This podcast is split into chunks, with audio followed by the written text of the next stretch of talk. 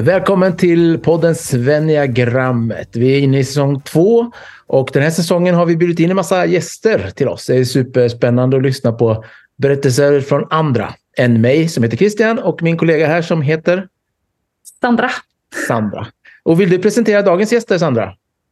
Ja, med den äran, höll jag på att säga. Um, ja, men Ann är ju... Uh, Ann och Harald har vi med oss här. Uh, Tim och Ann känner jag ju från Enneagramcenter där jag har utbildat mig. Eh, och hon är ju inte bara en av de röster i Sverige som har eh, gjort mest, vad ska man säga, har varit en av de starkaste rösterna i Sverige på att eh, sprida enneagrammet genom just enneagramcenter eh, och en podd och en bok och ja, allt vad ni gör. Eh, du är också en, en god vän och en viktig person eh, för mig på många sätt, men inte minst i min egen enneagramresa. Det var du som hintade att jag nog kunde vara en tvåa och inte en sjua och för det är jag evigt tacksam. Eh, men så har vi också med oss Harald här, vad roligt. Och, ja, ni ska få presentera er själva. Vilka är ni? Eh, ja, oj. Harald eh, heter jag, eh, 62 år, ehm, ingenjör ehm, och ekonom, ekonom. Uppvuxen utomlands i Zimbabwe, missionärsbarn.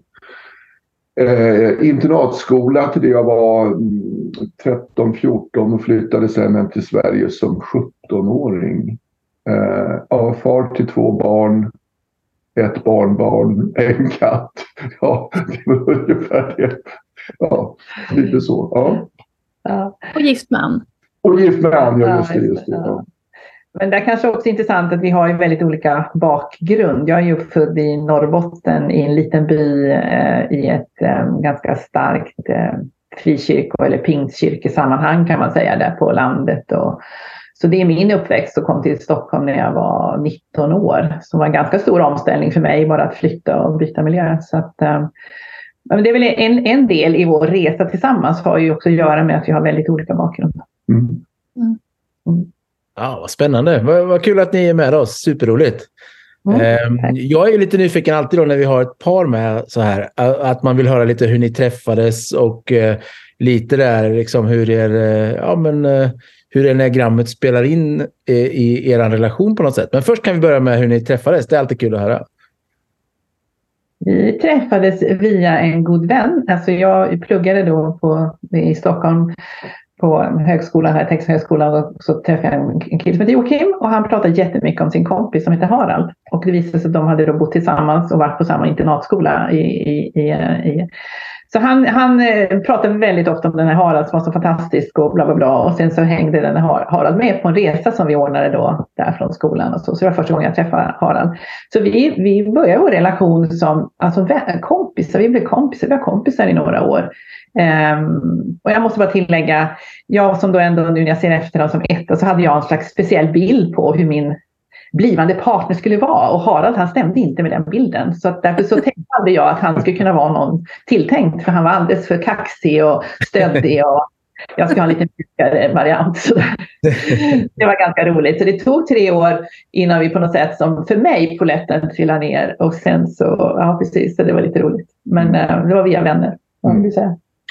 Ja, precis. Men det är väl din bild. Jag var nog kanske mer intresserad och var väl kanske lite mer uthållig då. Men gick ju in i det här äh, mycket prata. Vi hade mycket diskussioner minns jag. Och det var ju rätt mycket där eftersom jag tror vi kommer från så olika håll. Jag, alltså vi, vi kom i princip så långt ifrån man kan komma varandra. Jag är i södra Afrika, Ann uppe vid Nordpolen. Yeah. eh, det är klart att, att det fanns ju en del, eh, en del kommunikation så Ja, med skämt och med hur man ser saker och hur man pratar och, och, och sådär. Så, det, det, var nog bra, tror jag så här i efterhand, att vi fick en viss tid att, att slipas eh, utan att vara tillsammans. Jag vet inte. Ja, det sådär, ja, I efterhand var det nog en blessing in disguise för mig då, men, men det var definitivt en blessing. Ja. Ja, det min minne är att det var oftast jag och Harald som satt och diskuterade på, sent på festerna och jag fattade inte hur han tänkte. Jag tänkte, men han är bara, ah, hur kan du se det på det här sättet? Men herregud! Så vi satt där och bara käbblade, diskuterade och, och det hade mycket av våra olika associationsbanor och, och vårt språk och sådär. Mm. Så att eh, absolut så tror jag det var, en, det var det som var början. Och jag såg inte att jag var intresserad, för han var inte, han var inte rätt person. Då la du ner väldigt mycket tid på ja, det så ja. det, kanske, det kanske fanns. ja, kanske fanns något där ändå. Inte vet jag. Det är klart jag gjorde det, men jag såg inte det. Nej. men hur kunde ni redan där, jag menar jag hör ju mellan raderna att ni kunde liksom se och märka av era enneagramstrategier redan där, men har ni några liksom exempel på hur du Ann var en etta och Harald som åtta där. Eh, mer än att, ja det som ni redan har nämnt här. Vi kom i kontakt med enagrammet båda två när vi var 40. Vi då vi flyttade hem från Sydafrika. Så att innan dess, men det är klart man kan se just det där att, eh, att jag hade någon slags fast fixed bild hur jag ville att det ska vara och att det var inte helt rätt. Och jag var ganska också dedikerad i min, i min uppväxt och var en god kristen och var en duktig och jag tyckte han var alldeles för för frispråkig och ja, du vet, det var så många saker som inte föll in i den här mallen som jag hade ändå. Så här ska man vara för att vara en, eh, jag var en riktigt god soldat ja. då på den tiden, älskade Paulus. Ja. ja. men jag, tror, jag var nog, alltså titta enagrammässigt där eh, Sanna, så var det ju väldigt mycket alltså jag utmanade mycket. Jag kände att jag, jag pushade mycket. Jag utmanade. Jag, jag, jag kunde vara rätt skamlös tror jag också. Mm. Ehm, och så, så att när jag tittar tillbaks på den tiden, hur gamla var vi? Jag strax innan 25 någonstans. Mm. Så var det nog en rätt så um, tydlig, tydlig åtta som, som var på, på, på, på, på jakt liksom och, och skulle, ja. Så det, det var nog mycket det. Samtidigt tror jag det fanns också en viss uh, ja, liksom omhändertagande och ville, ja, såg till att du kom hem från fester. Och lite, det fanns ju någon form av eh, ja, omsorg också om man nu ska titta på den mjuka sidan där. Det, tror jag, det var nog inte bara att jag stod där och gapade och skrek utan det var, det var ju annat också. Ja. Mm. Det är fascinerande att höra hur man liksom, ni, är ju, ni kommer båda från en svensk kultur på ett sätt, men ni har, dels är det ju hela det liksom, ändå de andra kulturella aspekter som man har spelat in med, som du säger, Afrika och Norrbotten. Mm. Och att ni har då olika strategier. Alltså det finns många, många saker som skulle kunna bli eh, liksom en krock.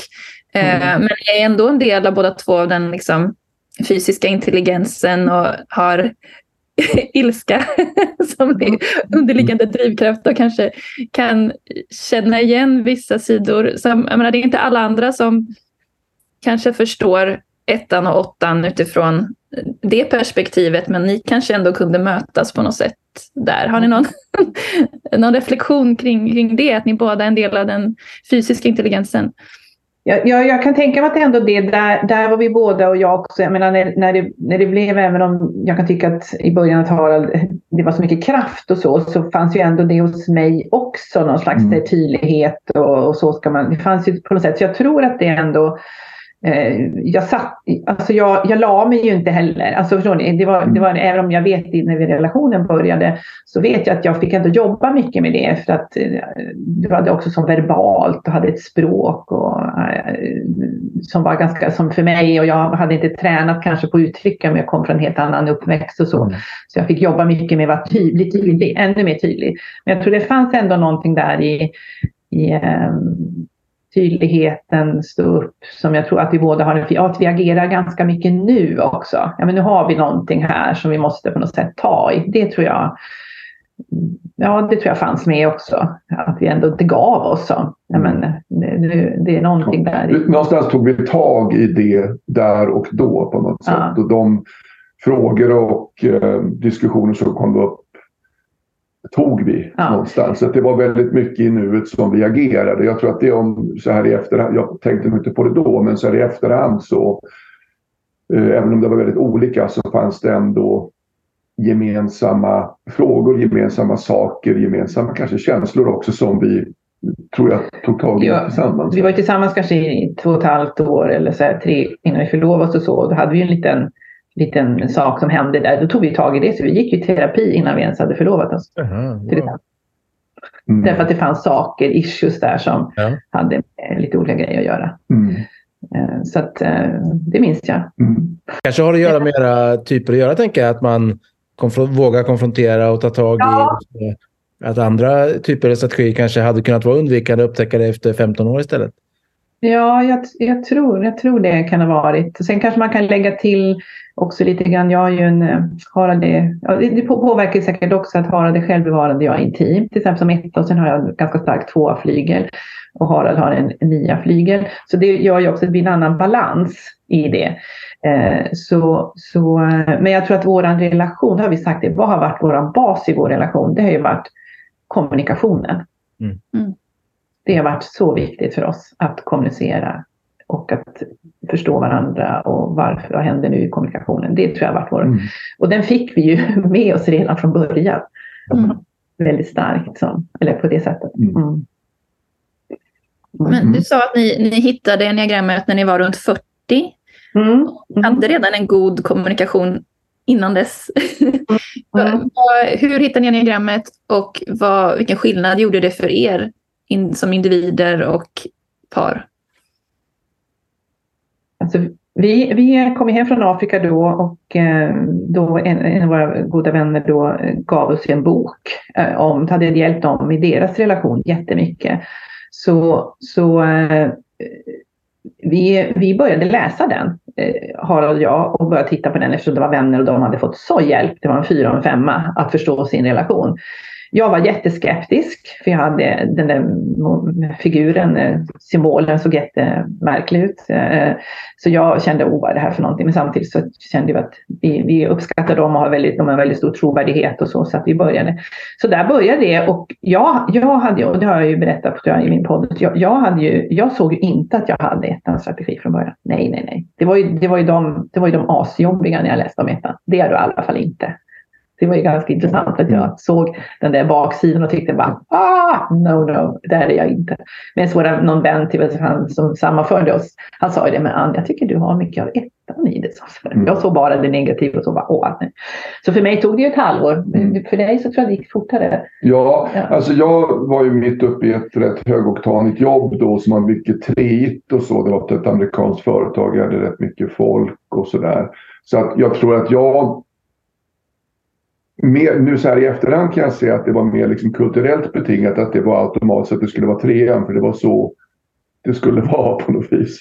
Men insåg sen eh, med hjälp utifrån återigen då eh, att nej, nej, så här är det inte utan det, det är klart att du är en tydlig åtta just den här ja, utmanar, alltså väldigt tydligt utmanande biten och, och, just det här lite, lite skamlösa ibland. Lite, och det var någon som sa, vilket jag inte alls förstod, att men när du tar så, så mycket plats, när du kommer in i ett rum så tar du per automatik plats. Det såg inte jag alls. Jag tycker inte alls jag tog plats för jag var en sån ödmjuk och, och fin och inkännande kille.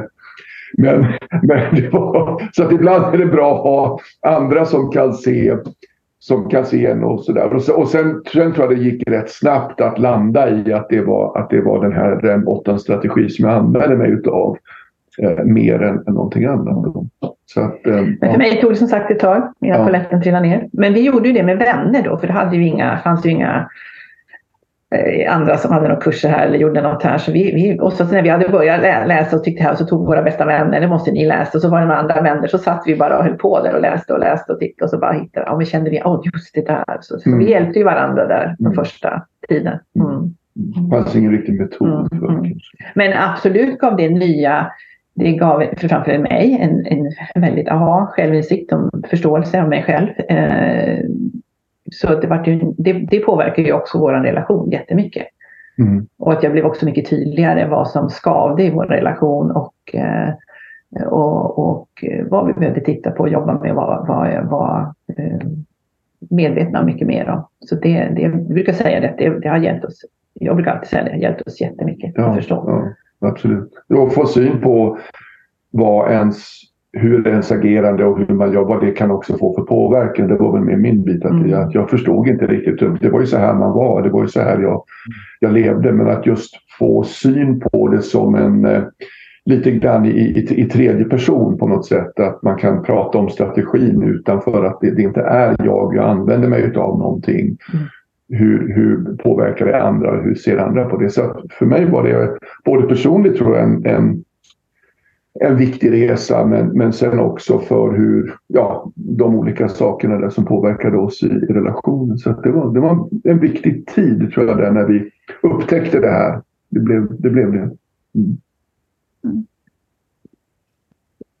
Ja, fint. Vad, vad fint att höra. Och jag känner igen mig mycket i, liksom, i de saker ni säger om vad det får för betydelse för en själv, men också i relationen. Eh, mm. Hur märker ni av då, ifall man tänker, hur märker ni av era två strategier? Jag tänker i vardagen, men också i, i relation och, och kanske också lite i föräldraskap. Om man tar de tre, eh, kan ni ge något litet exempel på dem? Vardagen, parrelationen och föräldraskapet.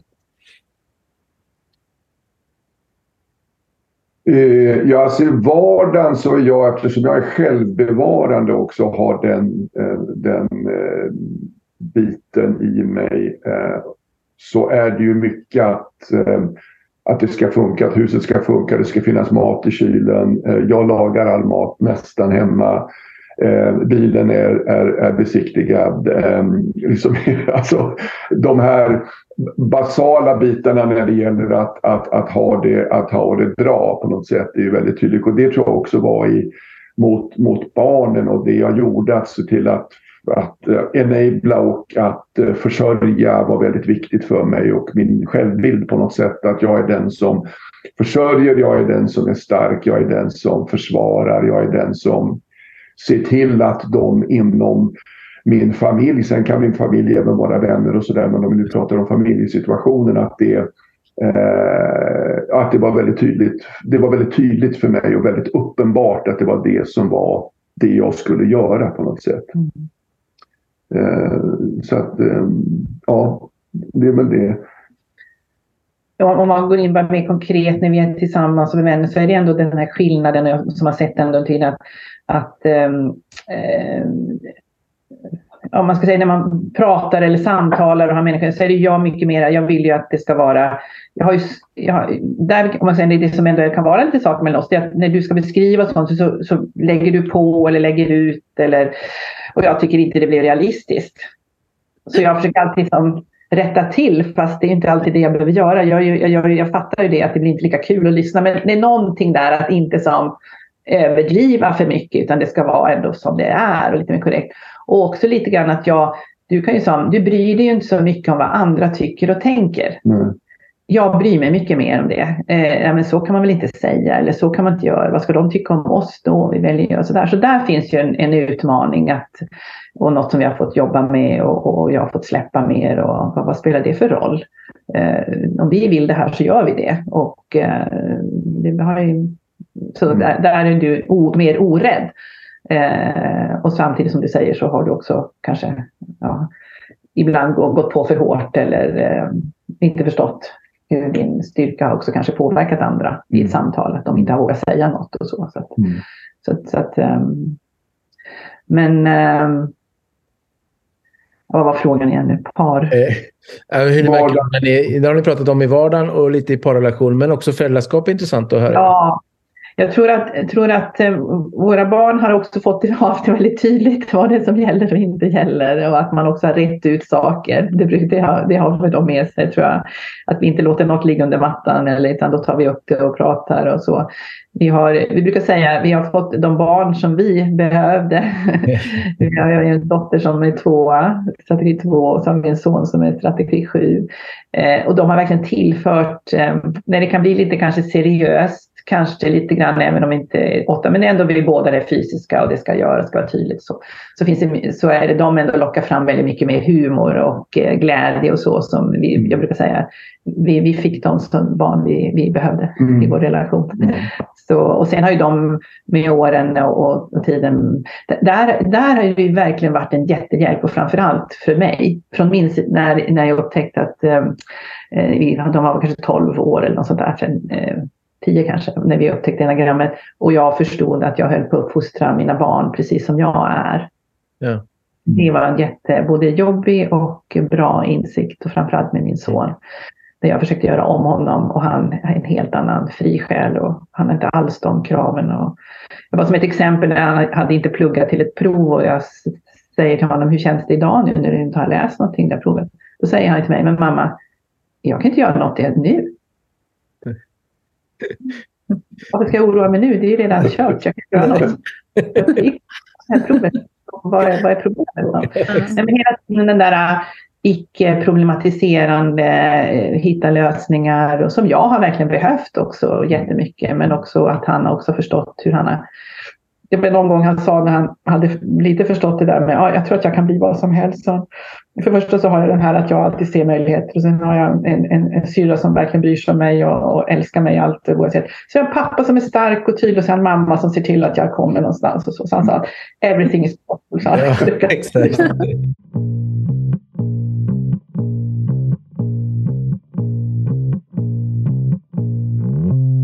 Vad häftigt att ni fick liksom som du säger, barnen ni behövde. Att det är liksom tvåans ut, eller åttans utvecklingsväg är ju till tvåan och ja. ettans utvecklingsväg är till sjuan. Och att ni kunde vara så ödmjuka att se gåvan i det. Istället, alltså, vilken, jag tänker där, vilken styrka att ta enneagrammet då. Eh, mm. Eh, och att kunna liksom, ja, se, in, inte fortsätta på sin eh, inslagna väg utan så här, oj, jag kan lära mig av mina barn. Eller det hoppas man att alla föräldrar tänker, men ännu mer så. Ja, det blev väldigt, och Axel då i den åldern, då, då berättade han ju för alla, alla våra vänner att jag, jag är jättebra för mamma. Alltså mamma behöver mig. Det, det, det drog han då för jättemånga. Sådär. Mamma behöver mig. Hon blir alldeles ja. orolig och äldre och håller på och roar. Och, och alltså höga krav. Och jag hjälper henne att ha lite kul i livet. Och så. Alltså, det drog han för jättemånga. Så det var... Allt sin Precis. Nej men absolut, det har varit jätte... Och sen har det i sin tur har ju nu när de är vuxna och sen när de väl kom och, och eh, kom lite, blev lite äldre och över 20 så har ju de haft så mycket nytta av det själv och de har ju då gjort det tillsammans med sina... De har ju haft jättemycket hjälp och har ju det och när vi tar upp saker och de har grejer och sådär så kan man alltid som titta, ja men vänta, vad, är, vad händer nu i er relation? Och, och de mm. har i sin tur också spritt det till sina vänner. Så vi hade ju en helg här för två helger sedan. Vi har haft det nu några, några gånger med deras kompisar. Så vi ger enagrammet och så har vi en helg vi åker iväg och så käkar vi god mat, pratar och så här. Så, så det är jätteroligt. Så mm. får de ett språk också för sina vänner. Och, ja, mm. Kan hjälpa varandra. Mm. Vad häftigt det är att kunna se det på lite längre sikt. Eller att ni, ni har ju liksom jobbat med det här i vad är det, 25 år kanske snart, 23. Ja, ja, ja. Och att kunna se liksom, över tid hur mm. det har präglat er och era barn. Mm. Mm. mm. mm. Men Ann, du är ju intim etta då och det är ju motstrategi. Hur, hur märker du av det i jämförelse med de andra ettorna? Ja, det är svårt att säga när jag inte är i de andra ettorna, men jag kanske utifrån, kanske ändå att man är lite, inte, inte lika, det finns ju en kritisk sida och, och det, men det kanske inte ändå lika starkt och att jag ändå eh, kanske jag skulle nog inte ha jobbat med det här idag, tror jag, kanske på det sättet. Alltså, jag visste ju inte så mycket om det. Vi kastade oss ut och lämnade ett, ett, ett, ett eh, välbetalt jobb och, och, jag hade kanske inte så jättemycket aning om vad det här skulle innebära. Men där tror jag var det att jag ville ha en utmaning och våga kasta ut med, med lite stöd och hjälp och så. Jag tror att jag hade kanske inte gjort det annars. Eh, att jag kanske är lite naiv ibland som min team kan vara. Men, men det är också det som har, har bidragit att man har vågat. Men sen kanske också den här passionen också. Att jag känner starkt för något kombinerat med min etta. Att, det, att ändå vilja bidra, förändra, hjälpa människor att vakna, bli mer medvetna. Den är ju stark. Det kan ju vara en kombination av min team och etta. Så, ja. Men är inte den intima ettan lite mindre självkritisk? Ja, man kan vara lite mer utåt? Mm. mera, mera, man säger det, mera i, i, i nära relation. Och det är där jag har fått jobba. Till exempel att Harald var ett förbättringsprojekt från början. Att mina barn och att det gör så här. Och det kan ju de säga till mamma, mamma nu, nu, nu räcker det, du behöver inte säga mer. Alltså, så där får jag ju hela, det får jag jobba med och vara medveten om och, och så. När det, jag har lätt för sånt. Ja, men tänk så här, gör så här. Uh, jag tycker mig veta bättre.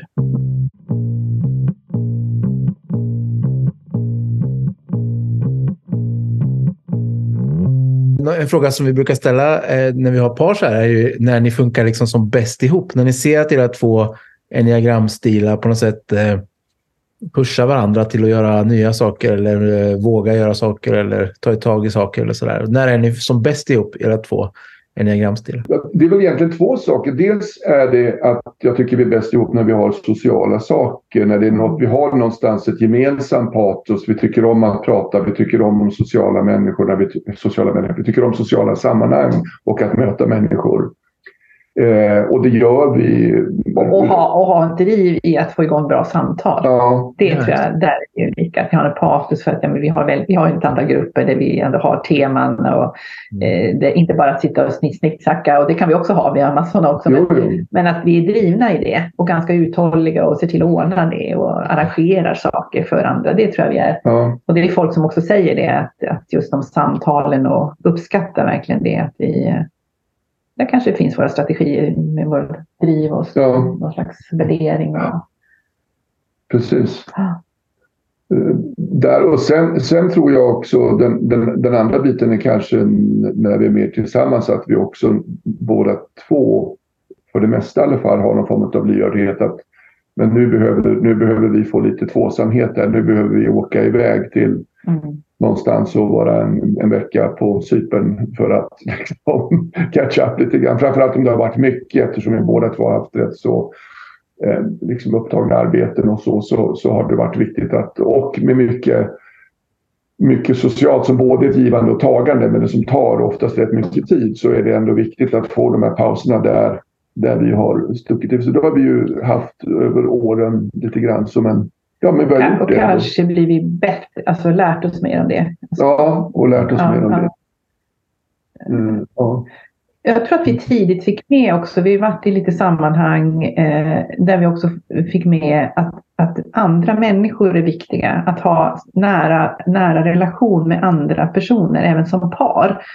Eh, så det har ju följt oss det här att ha någon grupp som vi ändå kan samtala om saker och så. Så när vi flyttade till Sydafrika så var ju det en jätteviktig sak för oss att hitta en grupp i Sydafrika som vi kunde ha regelbundna träffar med. Och så hittade vi några i anglikanska kyrkan. Lite äldre människor som hade varit med under apartheid. Och den kvinnan har vi ju följt. Hon dog nu för en månad sedan. Hon Mm. var 85, 87. Mm. Har vi haft kontakt, eller du har ju rest mycket dit, haft kontakt med från den tiden som har betytt mycket för oss. Eh, Så att också se till att ha sammanhang där vi som par också får eh, Ja, det, det, Påfyllnad. påfyllnad. Mm, det tror jag också varit något som vi fick med på grund av att vi hade andra människor som, som fanns för oss Ja, tidigt. Så har vi också, och det är precis det vi fick. Det vill vi ge vidare nu. Det är precis det.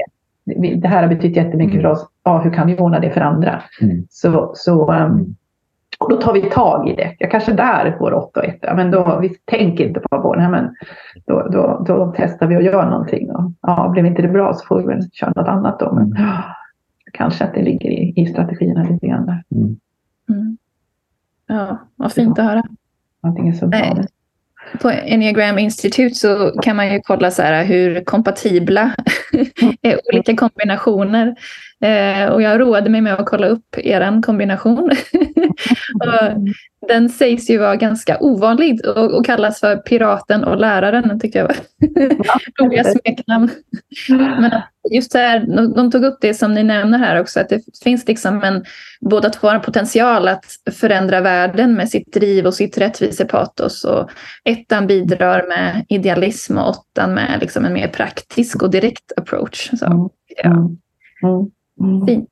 Och det är tips till alla andra som lyssnar här också att gå gärna in där och kolla på alltså, kompabilitet. Det låter lite så här, så här att det betyder ju inte att man inte skulle vara det eller inte, men ehm, att man kan se vanliga styrkor och svagheter med olika kombinationer i, oavsett om man är liksom i kärleksrelation eller om man jobbar ihop och sådär. Mm. Mm. Tips. Det är, det är roligt, det är bara ett eget exempel från det ni säger om eh, kommunikation och att i samtal vilja komma någonstans eller vara på väg någonstans, på en riktning. Mm. Jag är ju, har ju liksom strategi 9 och min fru har strategi 8. Och det har ju varit en väldigt tydlig krock för oss två. Att hon vill Mm. alltid att samtalen ska mynna ut i någonting. Det ska bli någonting av det. När man går ifrån ett samtal ska man känna vi kom någonstans och vi nådde ett resultat. Medan jag som nia då, jag ville bara ha trevligt och mysigt och friktionsfritt. Liksom. Eh, så det där var ganska ofta ett problem. Jag kunde vara så här, nej varför tar hon upp det här? Nu kan det bli känsligt. Och, ja, medan jag bara ville gå därifrån och känna att vi hade mysigt och inte behövt åstadkomma någonting egentligen. Så, ja. Jag är lite nyfiken jag är lite nyfiken på det här med Afrika också. Eh, har ni bott där tillsammans också? Eh, och eh, hur var det utifrån enneagram? Ibland pratar man enneagrammet som att det är en kulturöverskridande modell ja. som funkar överallt. Och så. Har ni sett det där också och, och haft någon möjlighet att tänka eller jobba med det där? Ja, vi har, alltså, vi, jag har haft två sessioner då. Dels min uppväxt men sen åkte vi ner i mitten på 90-talet för, för den firma jag då jobbade för och eh, jag, jag åkte ner där som chef för att ja, bygga upp det där. Så att jag, jag tror att, att den, den, den tiden där, det här var ju innan vi hade, in, ja, kom på enneagrammet då, men så här i efterhand så tror jag att den tiden förstärkte nog bara min min åttighet lite grann. För det var en kultur som, som, som var väldigt, uh, uppskattade väldigt mycket det här med starka ledare. Det blev bra resultat. Uh, vi gjorde jättebra ifrån oss. Det var, en, det var liksom en sån tid. Och det behövdes för det var en rätt så hård miljö. Det var mycket kriminalitet på den tiden. Ja, det är det nu också. Men mm. även då det, det var. Så där, där var det nog där var det nog bra att vara en, en, en, liksom en åtta-chef på något sätt. Ja. Vilket jag tog med mig hem sen, men sen insåg att, att det kan finnas begränsningar även där. Då. men, eh, men kulturellt, alltså det är ju en anglosaxisk kultur så den påminner ju rätt mycket om ja, men den engelska kulturen och den holländska kulturen lite grann och delvis våren. Så jag tror att kulturellt nog var det, upplevde jag nog så här när man tänker tillbaka att det är ju en, det är ju en gränsöverskridande modell och jag menar många av dem man hade, och här har jag en som jag här i efterhand kan säga, det här var ju en, en, en, en med sexans strategi för han var lojal eller gjorde det. Eller, mm. Här hade vi den här min sekreterare som var ju världens bästa tvåa som bara ville liksom hjälpa och allt. Och det var knappt att jag fick eh, dricka mitt kaffe själv liksom för att det, var så mycket som skulle hjälpas till. Vilket, vilket var härligt. Eh, och, så att, eh, ja. Jag vet inte du, hade, du, du hade ju en konflikt med din chef som också var en åtta. Ja. Eh, där du fick också känna på det här, det vi ser i efterhand, det var ju jättejobbigt för dig. Ja. Han, eh, han stack formligen kniven i ryggen på dig. Ja, det. Och det var ju, du vart ju helt, eh, alltså det var jätte, jättejobbigt för dig. Ja, för så gör man inte. Och det är som åtta då, hur ska man hämnas, vad ska man göra? Och du, du, var, du, var, du, du var väldigt knäckt. Ja, det var knäckt. Det, det, sådär hanterar man inte. Och det kunde vi i efterhand se. Oh, wow, det var ju precis där åttan hade respekt för någon och sen så, så vände den bara helt. Och, mm på grund av att han kände sig hotad eller något hände. Och så. Mm. Så, så, så, där, eh, sen kan jag tänka mig att jag, jag eh, alltså under min tid där som jag var där, eftersom jag hade ändå det här med drivet och så, jag vill, jag, jag vill ju inte bli den där som, eftersom jag var medföljande, som hamnar och bara sitter och ligger vid poolen och dricker drinkar. Som, som någon tyckte att det var jättemysigt. Det var ju verkligen min mardröm. Så, så, så jag pluggade, jag jobbade volontärt, alltså jag var målare, alltså jag gjorde jättemycket olika saker och hade nog kan säga att de fem åren som jag hade där, det fick ju mig att få distans och också fick upptäcka att vad är det jag egentligen vill jobba med? Alltså det, det, det, det vart någon slags jag hade det innan, men nu hade jag gått in på det. Jag var ju arkitektutbildad och jobbade med det och det här ska man göra och sådär. Men så kände jag ändå någonstans att det skavde så. Men det var ju de här fem åren som jag fick testa mycket olika saker. Mm. Hade också eget företag och jag hann jobba med lite olika. Så jag hann göra mycket grejer. Det var ju nog mina... Jag kan säga att jag hade en Eh, verkligen så bra år på det sättet och fick mm. upptäcka också tror jag min, för det vet jag att också när jag gjorde så här mycket saker och så eh, nu i efterhand när jag såg vilken strategi så, så var jag ville vara duktig då och nyttig och så. Så var jag med en kompis och sa, men du håller på att stressa ihjäl det här ute. Du behöver ju inte göra de här sakerna. Och då sa man, nej, vad är det jag håller på med? Men då var det igen det där att vara nyttig, vad gör det? Mm. Och så kunde ja men du har ju valt det här nu.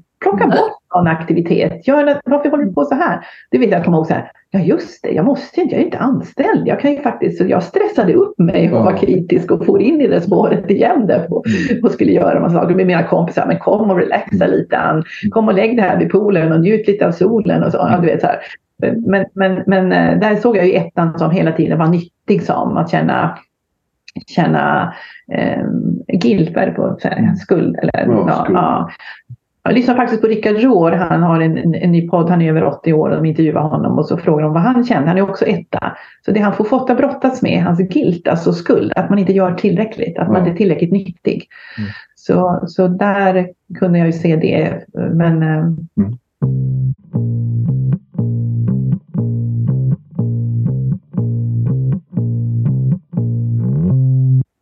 Hur märker ni av hos er själva och varann när ni går till era respektive pilar? Hur vilka, liksom, I vilka situationer kan det ske och hur, hur tar det sig uttryck? Mm. Tänker du på när, när man är mer i stress och obalans eller mer att... När man ja, både och tänker jag. Både och. Mm.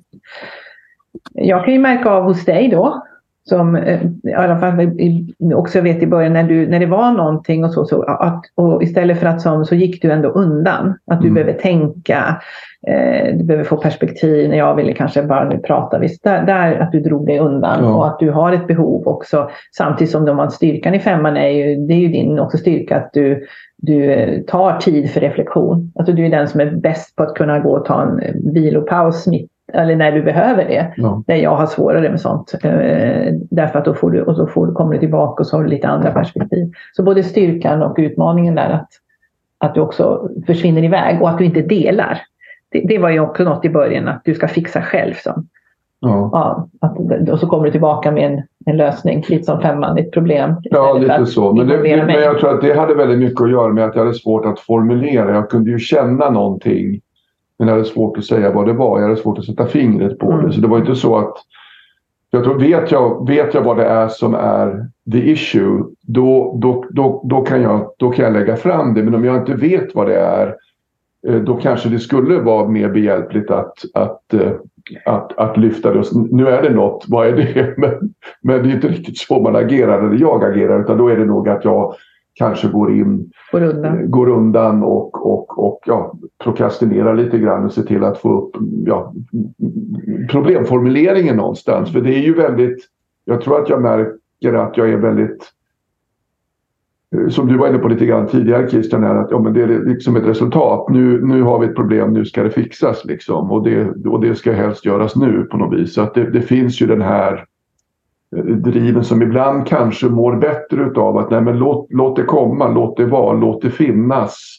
Låt det, låt det brygga ett tag. Var inte så eh, ivrig, var inte så otålig på att liksom få, fram, få fram det. Så det tror jag jag har lärt mig lite. Så jag vet inte om det är en tvåa två-bit eller om det också är en fem, femma kanske också. Att jag ja, låter det fundera Men på det, det tvåan, det du har lärt dig där, det är ju att du delar mycket mer och att ja. du pratar mycket ja. tidigare om det och att du för in an, alltså det, ja. det har ju varit mycket så här när, när, du har sagt att jag har känt att det är något i relationen så jag har sagt att det är det något, då säger du nej det är ingenting. Uh, och det har vi nej men jag ser ju att det är någonting. Nej det är ingenting. Och sen har vi luskat och så har det visat att det var någonting. Men ja. då har du inte riktigt Nej, inte formulerat det. Jag har inget format på det. Och då har det ju, då har det ju hjälpt. Ja, det gör vi mycket mer nu. Ja. Tar upp saker och pratar om det och delar. Så där är både... Mm. Men sen kan jag också finna en, en, stor glädje i det här att så att säga gå till femman om man nu säger så genom att jag har nördat in mig nu på vissa, jag håller på att renovera lite möbler och sånt där och då är det ju jättemysigt att, att liksom nörda in sig på olika skinntyper, olika lacker och, och, och, och olika spikar man ska använda och sådär. Så att det, det finns något, något väldigt behagligt i att lite grann vara inne i sin lilla bubbla. Jag tycker om att fiska också till exempel och det är ju en lite mm. sån här femma-grej för då är man ju med sig själv ute i en båt eller vid en strand någonstans. Så att det, det ja, det, det, jag får också en det är ju inte bara en stress utan Nej. det är ju även en tillgång. Liksom, att få... Hur ser du hos mig då? Eh, ja, alltså jag ser ju att när du går mot sjuans strategi så lättar det oftast upp eh, mm. lite grann. Det blir roligare, det blir inte lika tungt, det blir inte lika pliktfyllt, det blir inte lika... Och det tycker jag du är bättre på att göra nu än tidigare. Du berättade lite grann om om Sydafrika och den biten som var där. Och det var ju när du upptäckte det efter två år, även om vi inte han formulerade då, att men det här behöver jag inte alls göra. Jag kan ju göra det här som är roligt. Jag måste ju inte vara en resebyrå som du var första åren där. Eh, utan du kan faktiskt också göra något för din egen skull och, och njuta utav att vädret är som det är du börjar spela tennis eller mm. du fick en jättefin målarhandledare där du kunde börja utveckla det du ville. Så att när du går dit så märks ju det verkligen. Det blir väldigt tydligt när, mm. när den dörren liksom öppnas upp faktiskt. Mm. Så vad är din stresspunkt? Ja, det, det, det, kan ju både vara sjuan och fyran. Och sjuan kan ju vara att jag vill för mycket saker. Jag har ja. hur många böcker på, min, eh, ja, på mitt nattduksbord som jag nu så upptäckte igår kväll. Och jag håller på med fyra böcker samtidigt. Jag har glömt bort de där tre. Så, så de bara, vilken ordning ska jag ta dem? Och så, där är det oftast, jag har ju någon roman eller något, men sen har jag en massa sådana här böcker som jag vill för utveckling och så. Så det, det, det, det kan jag konstatera. Okej, okay, här ligger det jättemycket, men jag har glömt bort, jag köpte ju den där också. Så där kan jag, jag vill få in böcker. Mm. Eh, och bli splittrad kan ju det då. Men eh, ja, det är fyran då och det är ju mitt känslomässiga också där att jag, är, att jag lätt hamnar i att ingen förstår mig. Och mm. mycket, det, det, vet jag ju, du fattar ju inte. Alltså jag bara kunde komma hem och kände mig ganska deppig och, och hade ganska tunga tankar också perioder. Jag tycker att mitt liv har som jag, har varit nästan, jag trodde jag var lite skissad, skitsad ett tag. Jag var liksom saklig, vill och så. Och sen plötsligt så åker jag ner i det diket och allting bara... Mm. Allting, massa känslor. Och, mm där var det väldigt mycket hjälp att ha någon bredvid mig som kunde säga, men det där stämmer ju inte. Har du tänkt på den här grejen? Där i samtalet, att få in den här mentala intelligensen. Vad är det som gäller? Där har du hjälpt mig jättemycket. Mm. Eh, eh, men sen också den här kreativa sidan som har varit den att, att också ägna mig åt sånt som bara är lustfyllt och, och, och där är min målning och så är fortfarande min oas.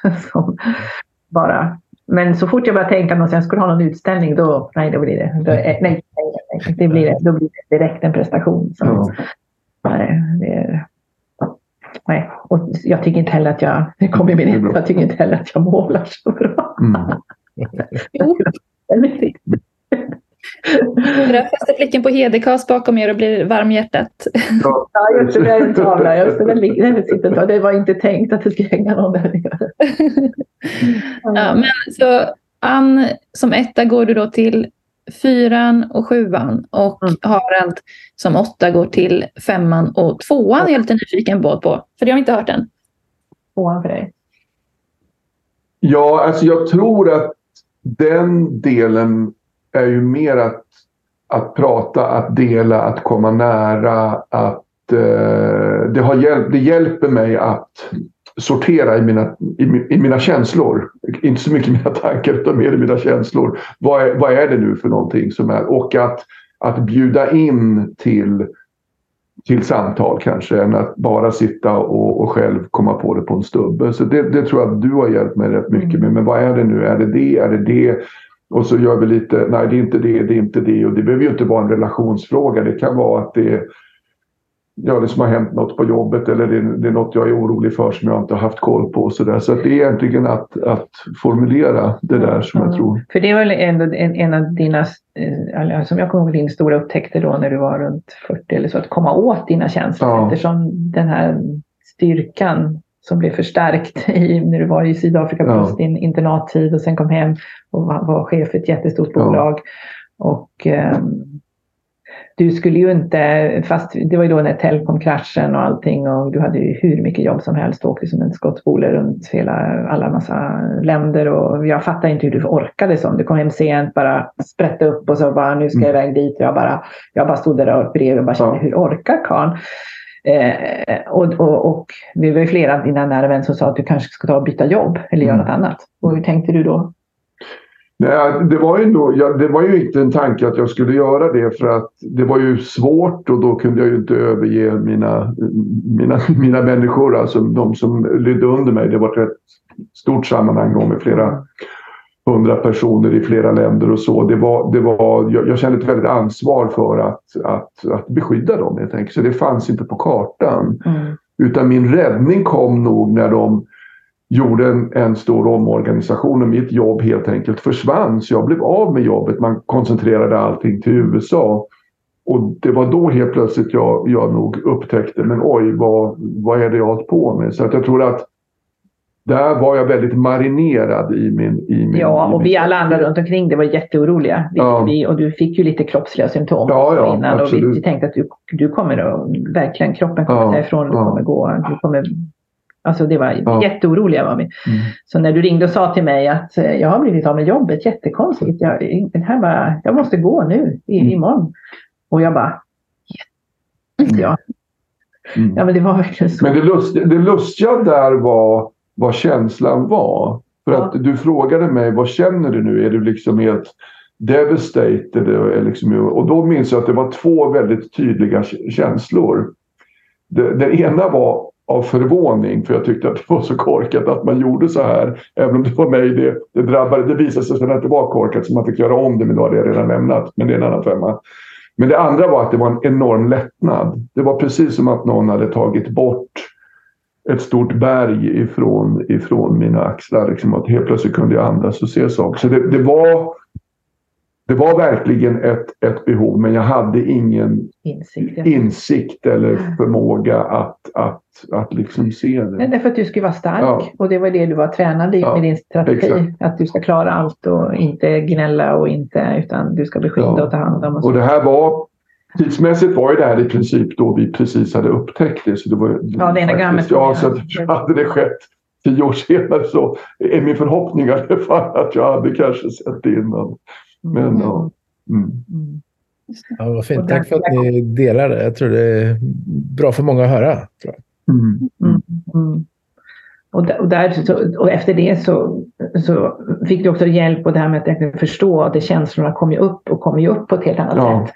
För du var ju nästan omänsklig för mig. Mm. Alltså, du grät aldrig. Alltså, det var verkligen, du klarade allt. Samtidigt var det jättetryggt för du, du fixade ju allting och var ett jättestöd och skydd och beskydd. Jag kunde ju som, du vet. Mm. Och, och, och, jag förstod inte och såg inte heller din sårbarhet. För jag, jag kom aldrig åt den Nej. heller. Nej. Och så hade du skaffat dig jättemycket nära vänner. När man är på internatskola så har man inte familjen. Då, då är det ju några vänner då man tyr sig. Det blev ju dina anknytningspersoner. Ja. Och du hade ju väldigt det som stöd. Så att, ja, det var väldigt... Um, nej, det, var, det var en stor förändring mm. i, vår, i vår relation från att du helt plötsligt började också visa på det sättet och vara sårbar och du var inte den starka. Så det var ju ett, ett, kanske ett, mm. en förändring i, i relationen våran där också. Mm. När jag var den starka mm. på ett annat sätt. Mm. Ja, vad fint. Jag tänker det kan vara svårt som sagt då för Ottor att se att nu nu är, nu är det för mycket, nu är du på väg in eller är utmattad men svårt att acceptera det. Men jag kan inte vara svag. Liksom. Så att det är mm. viktigt, eh, viktigt att få ett sådant exempel eh, från er, för mm. lyssnarna tänker jag. Mm. Så här kan det ta sig uttryck. Och vi brukar ju säga då, träffat, träffat andra åttor som har gått i väggen, att eh, det som är kännetecken för dem är just att de har gått på fälgarna jättelänge. Därför mm. den där tron på min kraft, den tar aldrig slut. Det är som att jag kan hålla på hur länge som helst. Jag kan ha två jobb, jag kan trippla jobb. Jag, jag har kraften. Ni behöver inte vara oroliga. Och, ni, mm. och åttan har mycket kraft och har mycket energi. Men det är klart att det finns ett slut på den också. Mm. Så, att, att, så att, att, ha en övertro på sin egen kraft eh, är ju åttans utmaning. Ja, mm. ja precis. Mm. Hur, tyck, hur, hur, tycker ni att ettan och åttan brukar bli missförstådda? Och är det något som ni skulle vilja nyansera i bilden av era strategier? Mm. Kanske med ettan då eftersom jag, det är mig själv och det också stör mig på hos andra när ettor ska in och ge massa råd och att den här kritiken och att det inte duger och inte är tillräckligt bra och så. Eh, som jag, jag förstår. Och, och, för där kan ju ettan bli också, vissa strategier blir mer tydliga utåt och jag kan tycka att både åttan och ettan kan vara det lite mer än andra. Sen finns det några till också. Där det märks för andra om den där kritiken och den som det blir lite, man ser lite sträng ut eller sådär. Eh, att bara ändå komma ihåg att ettan jobbar så hårt med sig själv inuti. Att, att, att ha den där, som alltså för oss alla när det gäller att titta på alla strategin, att förstå vad är det där bakom? Att få den där ödmjukheten, förstå vad är det bakom en nia, varför gör den sådär? Istället för att tänka, men varför tar den inte tag? Men vad, vad är det som ligger bakom? Var, varför är det svårt? Varför, varför gör ettan så här? Att ha den ödmjukheten och förståelsen, det tror jag är, är jättebra, eller hjälper oss alla att eh, eh, vi gör alla så gott vi kan, men vi har fått det här med oss, tagit till oss tidigt. Det är en slags överlevnadsgrej för oss. Eh, jag menar, Harald behövde säkert åttan för att klara den där miljön. Alltså han hade hjälp av den. Eh, jag hade hjälp av min också i min uppväxt, men sen, ja, sen märker man att nu är det inte hjälp längre. Nu behöver jag, vad heter det, kallas det på? Nu behöver jag justera eller Nyansera. Mm. Åttan missuppfattas? Ja, alltså det kan väl vara just att det bäst att folk kan bli lite rädda ibland. Det är ju inte, det är inte alls det som man vill eller någonting annat utan man vill ju, man vill ju kanske bara ha kul eller provocera fram något kul samtal eller någonting. Och om inte det, om inte det liksom faller i god jord så kan ju folk bli lite eh, intimidated, vad heter det, lite, ja Lite skrämd? Liksom. Ja, lite skrämd sådär att det blir... Att, så, så det kan jag ibland märka om det om, om ja, du vet man har man, man är hemma och man har bjudit in folk och det, är, det är kul och det är hög stämning och alltihopa och så och så om man drar på ibland så kan det vara eh, och, det, det, är ju, ja, och de som känner mig vet ju att jag är ju inte ute efter någon och så men om man inte vet det kan man ju, kan man ju kanske fundera på vad det är som är på gång. Eh, mm. Så att, ja, jag, jag, tror mig vara lite mildare nu men, men jag vet inte. Det, det, det kommer säkert stunder där det också kommer fram. Mm.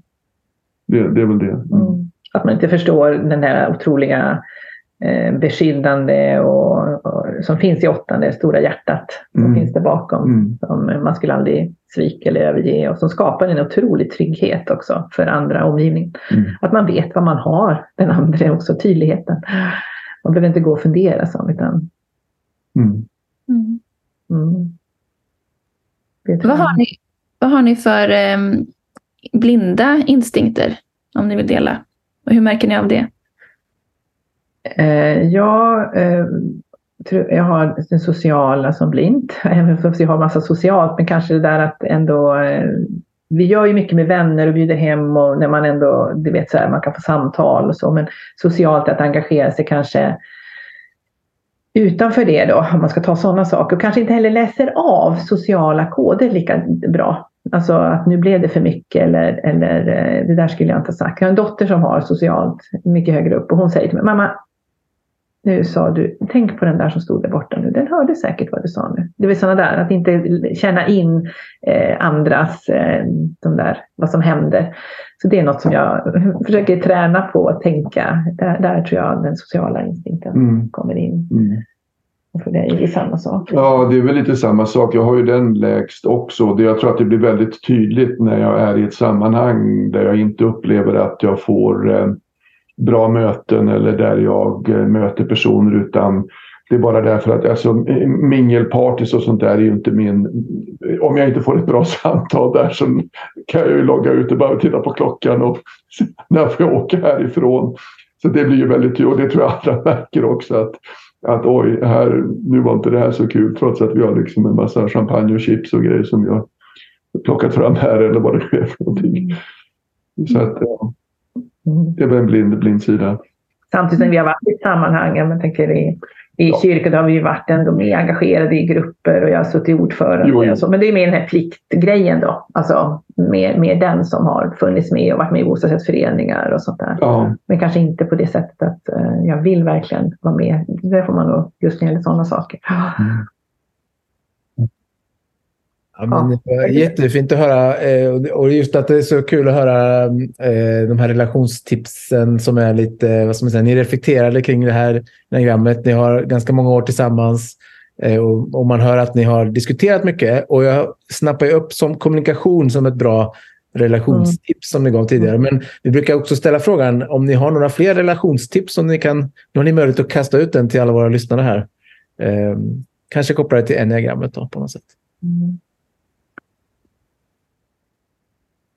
Nej, men stämma av relationen.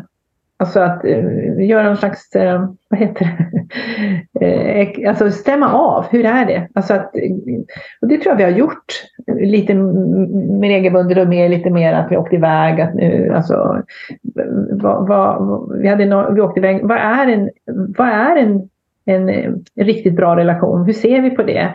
Och fick vara för sig och, och vad är det vi saknar i relationen? Och, och, och, så, för man tror att man vet vad man har den andra. Så insåg vi att vi hade flera områden där som, jaha, tycker du inte att det funkar? Jag tycker det där funkar och sådär. Så, att, så där, att, att göra regelbundna avstämningar i, i, i hur, för relation ändras ju, vi utvecklas, vi tar på in och, och sen, vänta, var står vi idag? Som? Och inte bara gå och ta för givet att när vi började där borta så hade vi det, utan det är också vi är olika individer. Mm. Ja, så att göra, göra avstämningar tror jag. Mm. Eh, så bas, basbiten tror jag är, är alltid att, att, inte, att inte försöka ändra på den andra utan att faktiskt acceptera varandra helt och fullt mm. så som man är. Alltså det, för mig är det någon form av absolut basbit. Mm. Sen kan man ju undra varför jag är gift med en etta som bara vill det. Nej, det vill du inte. Men, men eh, nej, inte alls. Eh, jag skojar. Men, men, men att det, det, det tror jag är sådär att för, att för mig har det ju väldigt, är det ju väldigt viktigt och i olika sammanhang att jag blir ju mycket säkrare. Jag tror vi alla blir mycket säkrare om vi också känner att vi är fullt liksom accepterade och älskade för vi de vi är eller den vi är på något sätt. Och sen betyder inte det att jag inte kan utvecklas eller jobba med frågor och sådär. Men, men, men det får inte vara det, det, måste alltid ligga i grunden. Och det är, det är den personen själv som kan jobba med sig själv. Det är inte jag som ska jobba med Ja, precis. Det är jag som måste jobba med mig. Det är mm. inte du som ska mm. jobba med mig och tvärtom. Mm. Liksom. Mm. Det, det, är en sån där... Mm. Ja. ja, men det tror jag. En större, större acceptans ja, för varandra. Ja, ja. Mm. Nej, men sen ett konkret tips som vi hade just för att formulera det här återigen. Enagrammet är ju ett i ett verktyg för att också få ett format på saker och ting. Men just när vi pratar om det här, det var det här relationshjulet som det var någon som tipsade om. När man tittar på olika områden, olika områden och sen gå konkret. Hur, hur känner vi att det är här nu med, med vår fritid? Eller det kan vara balans i hemmet med städning. Och, ja, alltså det, det kan ju vara alla typer av frågor och just förstå att jaha, men vänta nu, nu tycker Christian att det här ser ut så. Men det, det har inte jag uppfattat för han har ju alltid städat. Men tycker inte du att det är jätteroligt liksom? Nej, det gör jag inte. liksom, så att jag, att jag eh, och inte ta saker för givet där. Att, att jag också förstår. Så det är ett bra sätt återigen att formulera eh, det för varandra. Sen kan man ju... Och sen ja. kan man ju ändra, man kan ju växeldra. Ja. För det tycker jag vi har sett i vår liv. Att en period så var jag fixa mycket mer och så nu, att man också växeldrar. Att bara för att vi har kört så här ett tag behöver inte det pågå för alltid. Utan Nej. vi kan ändra. För nu har vi fastnat i vissa roller och, och jag tycker faktiskt inte det är roligt längre. Eller jag vill göra det här istället. Eller hur kan vi hitta ett nytt sätt att hitta? Så jag tror att mycket det där att hålla igång ändå kommunikationen är väl en som en röd tråd ja. tror jag. Men, men, ehm, och ge varandra, ja, det finns många saker. Vi brukar också rita de här två ringarna, ni kanske vet. Här. Man har, jag är en ring och är en ring och så sen överlappar de varandra. Mm. Och vad är det vi har gemensamt? Ja. Det här har vi gemensamt men vi har också eget. Det har också varit viktigt. Jag har mina kompisar, du har dina ja, kompisar, dina intressen, jag har mina. Men det här har vi gemensamt. Det, det vi har gemensamt, det är det vi värnar om. Mm. Och ja. inte heller att bara det ska vara. Så att ibland har vi ju känt att det gemensamma är allting. Nej, då tappar vi någonting av oss själva. Eh, det är viktigt att jag har också att jag är mig själv och har mitt eget. Och sen har vi det här. Ja. Det här värnar vi om, det vi har barnen och det vi har gemensamt. Mm. Mm. Och att ha en generös inställning till det. Tycker jag om att fiska så är det ju mycket roligare att någon säger, men ska du inte åka och fiska nu eller måste du göra det igen? Eller Mm. Tycker du om att måla? Eh, ja, men du målade ju förra veckan, måste du måla igen? Nu ska vi, nu ska vi hantera soporna. Så jag tror att just själva inställningen till det gör, gör, makes all the difference. Det gör en stor skillnad. Om jag känner mig fri, att man tycker det är roligt att jag som ikväll ska ut med en kompis och, och ta en öl på en pub. Där. Ja men vad kul att du gör det. Det är liksom inte, ja men vänta nu, du, var ju, du träffade ju honom för tre veckor sedan, måste du göra det igen? så skulle det ju kunna vara. Men, mm. eh, och det tror jag är en, ja, lite en generös inställning för det som inte nödvändigtvis är vårt utan som är, är ditt eller som är, är mitt. Mm. Ja, men tack så jättemycket. Bra konkreta tips. Jag tror verkligen jag snappar upp en hel del och de som lyssnar gör det säkert. Eh, och så relationshjulet, det är alltså någon, eh, just att hitta olika områden. För ja, man och man kan själv skriva upp i de där tårtbitarna att det är fritiden, det är tid tillsammans, det. det. är med barnen, det är vårt samliv, det är hur mycket pratar vi med varandra, alltså sådär. Och så kan man gradera det lite och så kan man säga att ja, men jag tycker att det här är 50 procent, det här tycker jag är jättelågt var för sig. Och sen tittar man tillsammans, ja just det, jaha, ja. du har inte ens fyllt i den där alls, du tycker inte att den funkar. Ja. Mm. Och, så, och då kan vi ett samtal om det. Mm. Det finns säkert på nätet, man kan hitta färdiga ja. inlagda saker också. Mm. Mm. Som avslutning så tycker vi att det är fint att man får eh, boosta varandra lite grann. Har liksom, vad, vad är ni tacksamma för med varandras strategi och eh, vad den personen bidrar med på olika sätt? Det jag är, tror jag mest tacksam för är ju att jag har, Ann har hjälpt mig så oerhört mycket att att dels eh, bli en helare människa helt enkelt. Att se saker som jag inte hade gjort själv eh, alls. Eh, och på det sättet har ju berikat mitt liv eh, enormt. Och eh, ja, jag tror gjort mig till en helare människa faktiskt. Om man ska ta någon form av eh, ja, enkel eller slut, slutplädering här. Det är väl, det är väl min, min takeaway. Då kan jag bara fylla i. Det är klart att du också har gjort det. Det som, ja. det som har varit extremt skönt för mig det är den här acceptansen. Eftersom etta så har man ju väldigt lätt för att tycka att man inte är tillräckligt bra. Och så har jag en person som i alla lägen står upp för mig. Han har aldrig skämts, du har aldrig skämts för mig. Du har alltid stått bakom mig. Jag har alltid känt mig. Jag har aldrig fått kritik av dig på det sättet. Kritik kanske jag har fått om, om det är så att jag har varit för mycket på det, men inte i det jag gör och det jag ska, det jag är driven av. Alltså det är verkligen så skönt för mig att ha den där acceptansen som jag har fått, det där stödet i botten. Mm. mm. Wow. Vad fint. Ja, vilken, eh, vilken glädje att ta del av era klokskaper och eh, ja, bara de ni är och allt. Det är så härligt att prata med folk som är så reflekterade också. Så ja. tusen tack för allt ni bidrar med. Och, ja, tycker så mycket om er båda. Mm. Det var jätteroligt att få vara med. Och, uh, ni är härliga och jag gillar det ni gör. Mm. Verkligen. Fortsätt med det. Mm. Ja. Mm. men stort tack säger jag med och jätteroligt att få se er lite och prata med er. Så mm. får vi se vart våra mäta, väg, vägar möts nästa gång. Absolut. Absolut. Allt gott för er. Ja. Tack. Allt gott. Tack så mycket. Hej då. Hej då.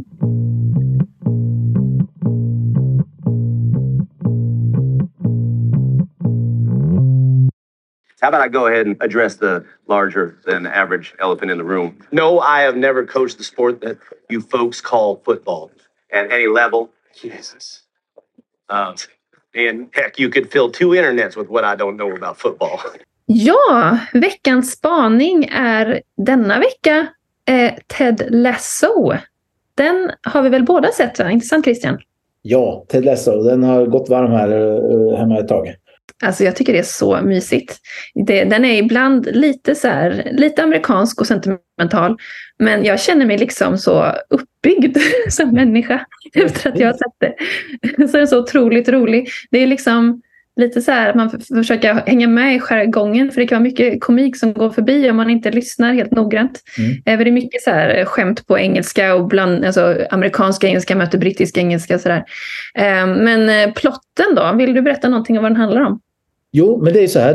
En amerikansk eh, coach, Ted Lasso, eh, han har ingen erfarenhet av fotboll. Han anställs till ett fotbollslag i, i engelska ligan av ägarinnan Rebecca. Hon har precis skilt sig och Eh, Eh, hennes exmans liksom, eh, livsverk är den här klubben. Eh, och hennes, ja, hon har fått ta över den då i, i skilsmässan och då så då vill hon liksom sabba hela klubben. Hon vill att den ska gå ner, gå helt i sank liksom. Och då anställer hon den här helt eh, oerfarna fotbollscoachen Ted Lasso. We nuts for doing this. Yeah, this is nuts. Hey, but taking on a challenge is a lot like riding a horse and if you're comfortable while you're doing it, probably doing it wrong. Eh, hela laget och alla i stan är väldigt skeptiska. Eh, men hans liksom, ledarstil, eh, väldigt varm och empatisk och optimistisk och positiv och sådär. Eh, liksom vänder kulturen. Eh, och i första säsongen så är det flera sådana små duster han får ta med personer, spelare och andra som eh, inte liksom eh, sprider den här, vad ska man säga, den förutsättningslöst positiva andan som han vill sprida i kulturen. Eh, ungefär så kan man säga. Eh, så han eh, får man följa hans väg vidare och motgångar och medgångar. Bra formulerat Christian. Nej, men det, jag tycker att det är roligt att se en serie som, där man tycker om i princip varenda karaktär. Och de har intressanta karaktärsutvecklingar genom de tre säsongerna som är. Um, och det har liksom gjorts många enneagramspaningar på de här och, också för att de är ganska så typiska. Även ändå har det varit en del diskussion vad folk är. Men ja, för mig är det väldigt klart och tydligt. Ja, men spännande. Berätta lite, vad, vad säger du? Ska vi börja med Ted eller? Vi tar Ted, själva coachen då. Eh, alltså, mm, det är kanske anledningen till att jag tycker så mycket om det, för att han är ju en eh, tvåa i, i min värld. Så. Eh, och jag har hört, den här skådespelaren är både manusförfattare om jag förstår det rätt och spelar huvudrollen. Och han tyckte det var lite svårt att göra en karaktär som var så snäll men ändå intressant. Så att det inte blir det så här, för manliga tvåor kan ju vara två, svåra att, eh, eh, ja, att, mm. att, ja, det kan vara svårt. Karaktären kan, vara lite, kan bli lite uh, platt och ointressant kanske. Ja, men det är risk att det blir det. Men sett över tid, och nu kanske jag spoilar något för någon som inte har sett Metellas och inte sett alla säsonger. men det är ju som sagt en intressant karaktärsutveckling. Och han eh, kommer ju, alltså det finns en del diskussioner om att han skulle vara en sjua istället. Och jag kan, jag har också sett tre och nio, men det förstår jag faktiskt inte riktigt. Um, förlåt. Får jag claima honom? ja, ta honom som tvåa Du tycker om honom så mycket. Ta honom som tvåa. jag menar så här, han flyr sina känslor som en sjua skulle kunna göra. Eh, och han ser alla andras problem, eh, men inte så mycket sina egna. Eh, som en tvåa då. Eh, och han har ångest men han förstår sig inte riktigt på den. Eh, och sen, han liksom, hans motivation är att vara som en positiv input i, i andras liv. Oh no, I know Trent. Yeah, he's a tough cookie. Ready? Yeah, that's okay. You know what you do with tough cookies, don't you? Dip them in milk.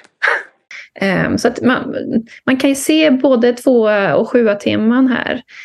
Um, och bland annat säger hans fru så min, att hans optimism är irriterande. Ja. och det kan man nog tycka. Han blir ju ett litet åtlöje ibland för att han är så himla så här, wow! Han, ja. ingenting kan, folk kan vara jättetaskiga mot honom men han, han är alltid så snäll tillbaka. Ja, men för mig är det i alla fall en tydlig tvåa. Han är väldigt mån om relationerna i laget han grundar någon slags herrklubb, det låter som ett fel uttryck, men eh, en liten klubb som heter Diamond Dogs eh, för männen där i ja, de kansliet, eller vad man ska säga, eh, som, där de delar känslor och pratar om relationer och sådär, är, är mjuka tillsammans. Eh, och han står ut även med folk som är rätt så jobbiga. Och det tänker jag kanske inte sjuor skulle göra på samma sätt. Eh, de skulle kanske ha lite mindre tålamod med så jobbiga människor. Mm, Men eh, ja. ja man, man, kan förstå så mellan raderna att han kan vara lite kvävande i sina relationer. Eh, I alla fall gentemot hans fru. Och sån är inte riktigt sjuan. Sjuan kan ju vara, snarare ge lite för mycket space i sina relationer. Um, och vill liksom uppleva saker, uppfylla mål samtidigt som de är i en relation. Alltså sjuan då. Mm. Sjuan motiverar sig inte eh, i grunden heller av att möta andras behov som tvåan gör. Eh, och Don't look at me. This one popped out and immediately asked the doctor if he needed anything. Det är en scen där hans mamma säger att redan när han föddes så frågade han om man kunde hjälpa till. Och en annan rolig grej som, som är lite krockar då med, att han, med hans yrke, det är att det, för honom är det viktigare att lyfta alla andra än att vinna. Och det blir väldigt provocerande i engelska ligan. Liksom, ändå är ja, precis. Mycket som står på spel. For me, success is not about the wins and losses. It's about helping these young fellas be the best versions of themselves on and off the field. Ja, men det är spännande. Och det är, han kommer in i ett väldigt så här tävlingsinriktat lag där de tävlar ganska mycket mot varandra. Och det är ganska hetsig stämning liksom i, inom laget. Och så kommer han in med den här optimistiska, eh, vad säga, prestigelösa ledarskapet. Eh, som, eh, som blir väldigt, eh, blir en stor krock då förstås. Men... Ju mer hans karaktär utvecklar sig så får han då mer definition och djup och han blir mer tydlig. Och tillåter sig att känna sina känslor mer, precis som en åtta och en fyra skulle göra. Eh, jag tycker det är en rolig, rolig, den är inte så rolig, men den är en stark scen i slutet av eh, säsong tre tror jag. Där han konfronterar sin mamma. Han säger thank you, fuck you, samma mening. Ja, men det är ju, vad ska man säga, vi, vi kanske ska kika in på någon mer eh, karaktär, men, men eh, överhuvudtaget är han ju, det är liksom en väldigt annorlunda huvudkaraktär tycker jag. Eh, som mm. är väldigt ovanlig att, eh, att ha och den görs väldigt bra. Både hans eh, skådespeleri men också manuset. Då. Ja, de har ju vunnit jättemånga priser. Jag tror de har fått eh, slått rekord i antal eh, nomineringar i Emmys för en ny serie. Mm. Eh, och, ja, så det går... Det är fler än jag som gillar det. Mm. ja, men andra karaktärer då. Rebecca. Hon är, det är hon som då är den här ägaren till allting. Eh, bara det att jag var ganska rädd för henne i början antyder väl att hon, var en åt, att hon är en åtta. uh, och, men hon vill ju hämnas, allting handlar ju om hämnd i grunden. Uh, det tonas ut sen. Det, det här är ju inte en serie om varken fotboll eller hämnd, det handlar ju om relationer nästan, fast i en sån kontext med fotbollskontext. Mm. Um, men hon är rätt så, så utmanande, hon är verkligen inte rädd för att säga ifrån på skarpen. Hon är ofta rätt så arg, men hon har ett väldigt stort och varmt hjärta. Mm. En annan åtta är ju Roy Kent. He's here. He's... Nej, jag ska inte ge mig på att sjunga. Sånt brukar vi tycka om i den här podden annars, när du börjar sjunga.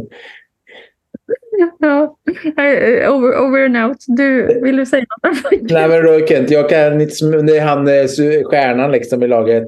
Den gamle, eller stjärnan, men den gamle som eh, är lagkapten i början och sådär. Liksom. Mm. Men han är ju väldigt, vad ska vi säga, jag vet inte vad jag ska säga, barsk. ja, de säger, säger shouting is his love language. ja. Han är ganska, är... han är ganska bister och barsk och han vill framåt. Liksom. Men, men ja. eh, han skulle man väl kunna tänka att han är en åtta också? Ja, precis. Men han är ju kär i Keely som är en eh, rätt så typisk nia som, som medlar och vän med alla. Och hon är så här, socialt shit som ofta nior är. Mm. Eh, så har vi coach Beard. Jag ska bara säga om Kiel, i alla fall i början, så är hon ju ganska konfrontativ också. Det var för länge sedan jag såg den.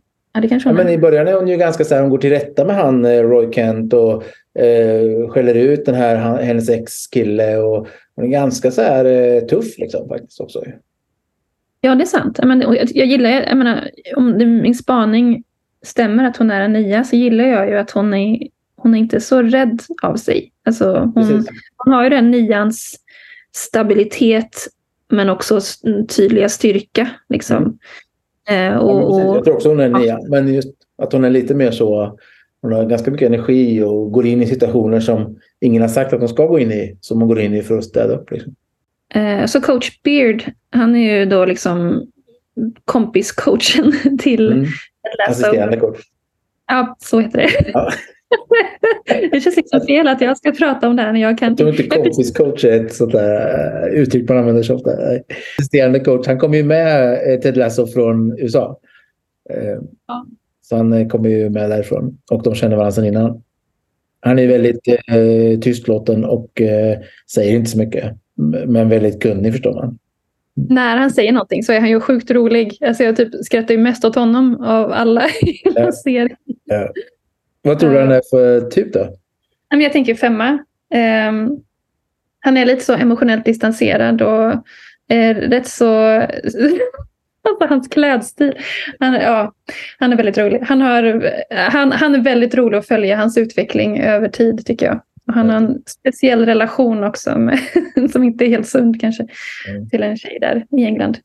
Men han är väldigt påläst och rolig och udda. Så. Mm. Ja, också en ganska ovanlig karaktär att se tycker jag, just hur han porträtteras.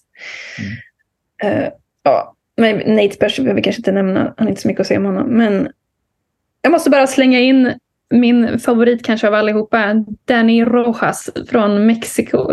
Som bara springer runt och skriker “Football is life” hela tiden. Eh, härlig typisk sjua. Man blir glad så fort han kommer in i rutan. Ja. Uh, han kommer in med energi och väldigt mycket positivt. Nu kör vi liksom. Uh, han är väldigt rolig faktiskt. Football is life. Ja, men, eh, tack för att ni lyssnat på denna veckans podd. Eh, vi hörs nästa vecka. Ha det gott, ha det gott, ha det gott.